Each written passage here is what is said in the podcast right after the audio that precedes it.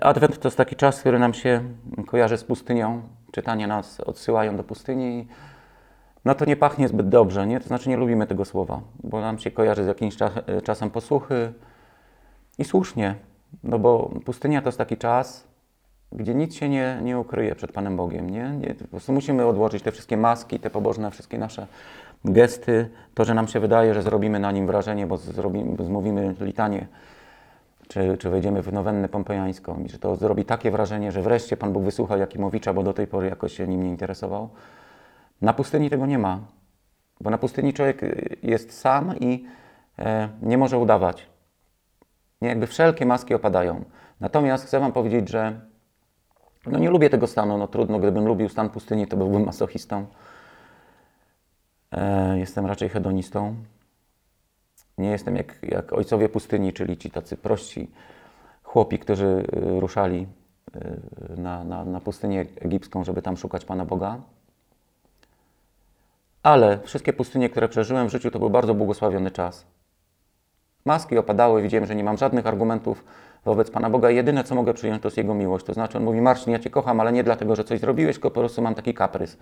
To znaczy, że zbawienie, które Ci dałem, to jest, przytrafiło Ci się jak ślepej kurze ziarno, to mam taki pomysł po prostu, no wybrałem Cię do drużyny, ja jestem sele- selekcjonerem i wiecie, ja mogę z Nim godzinami gadać i tak Go nie przegadam, bo On jest Panem, Panem, e, Panów i Królem Królów. Pustynia to jest błogosławione miejsce, bo Bóg mówi w księdze Oze- Ozeasza, że chce Cię przywabić na pustynię, żeby mówić Ci do serca. E, Jak ja siedzę non-stop w serialach Netflixa, czy w jakichś takich e, zawirowaniach tego świata, to naprawdę nie słyszę Pana Boga. Jan od Krzyża, 14 grudnia jest jego wspomnienie, no on mówi bardzo radykalnie, że nie można być człowiekiem jednocześnie zmysłowym i duchowym. No ja chciałbym to połączyć, nie? On mówi nie, albo to, albo to. I dlatego te czasy pustyni są błogosławione, kiedy wydaje nam się, że jesteśmy sami, nie czujemy Pana Boga, a on mówi przez Ozeasza, ja to właśnie dlatego, Marcin, robię, żeby mówić Ci do serca.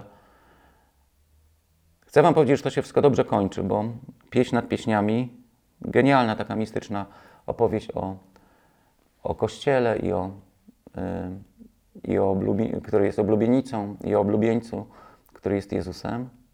Ona kończy się w taki sposób, że ta oblubienica wraca z pustyni, ale nie sama, tylko jest napisane, idzie wsparta na swoim oblubieńcu. To znaczy, ona być może jest zmęczona, nie ma już sił, opiera się na Jezusie i tak idą razem. Piękny taki symbol, nie? że oblubienica wraca z pustyni wsparta na swoim oblubieńcu. To znaczy, że Pan Młody ją niesie. I to jest doświadczenie wszystkich, którzy przeszli na e, ten taki e, trudny czas, że oni już potem nie wracają o własnych siłach, tylko oni wiedzą, że jeśli wracają, tylko dlatego, że niesie ich Pan Jezus. Opowiadałem Wam, już kończąc tego antywirusa, o pierwszych słowach, które usłyszał młody ksiądz Wyszyński. Księdza to bardziej na cmentarz niż dla ołtarza. Nie? Księdza, księdza to bardziej na cmentarz niż do ołtarza. To mu powiedział kościelny pan Radomski w katedrze włocławskiej. I Wyszy- Wyszyński y, zanotował, że od tego mom- momentu wiem, że wszystko, co się będzie działo w moim życiu, to jest łaska Pana Boga. No i to jest takie doświadczenie po przejściu pustyni. Tego etapu sucho, takiej posłuchy, y, ciemności, samotności, ale człowiek, to się zawsze skończy, nie? Bo e, pokusą tego stanu jest to, że ona się nigdy nie skończy. Nie.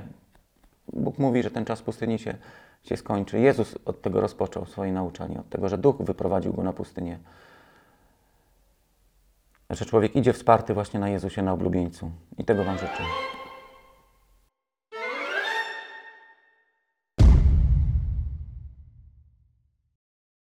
Ten materiał wideo powstał dzięki zaangażowaniu wielu osób. Obejrzałeś go za darmo, bo troszczymy się o promowanie wartościowych treści. Jeśli Ci się podobał i chciałbyś zobaczyć kolejne, wesprzyj nas. Fundacja Gość Niedzielny.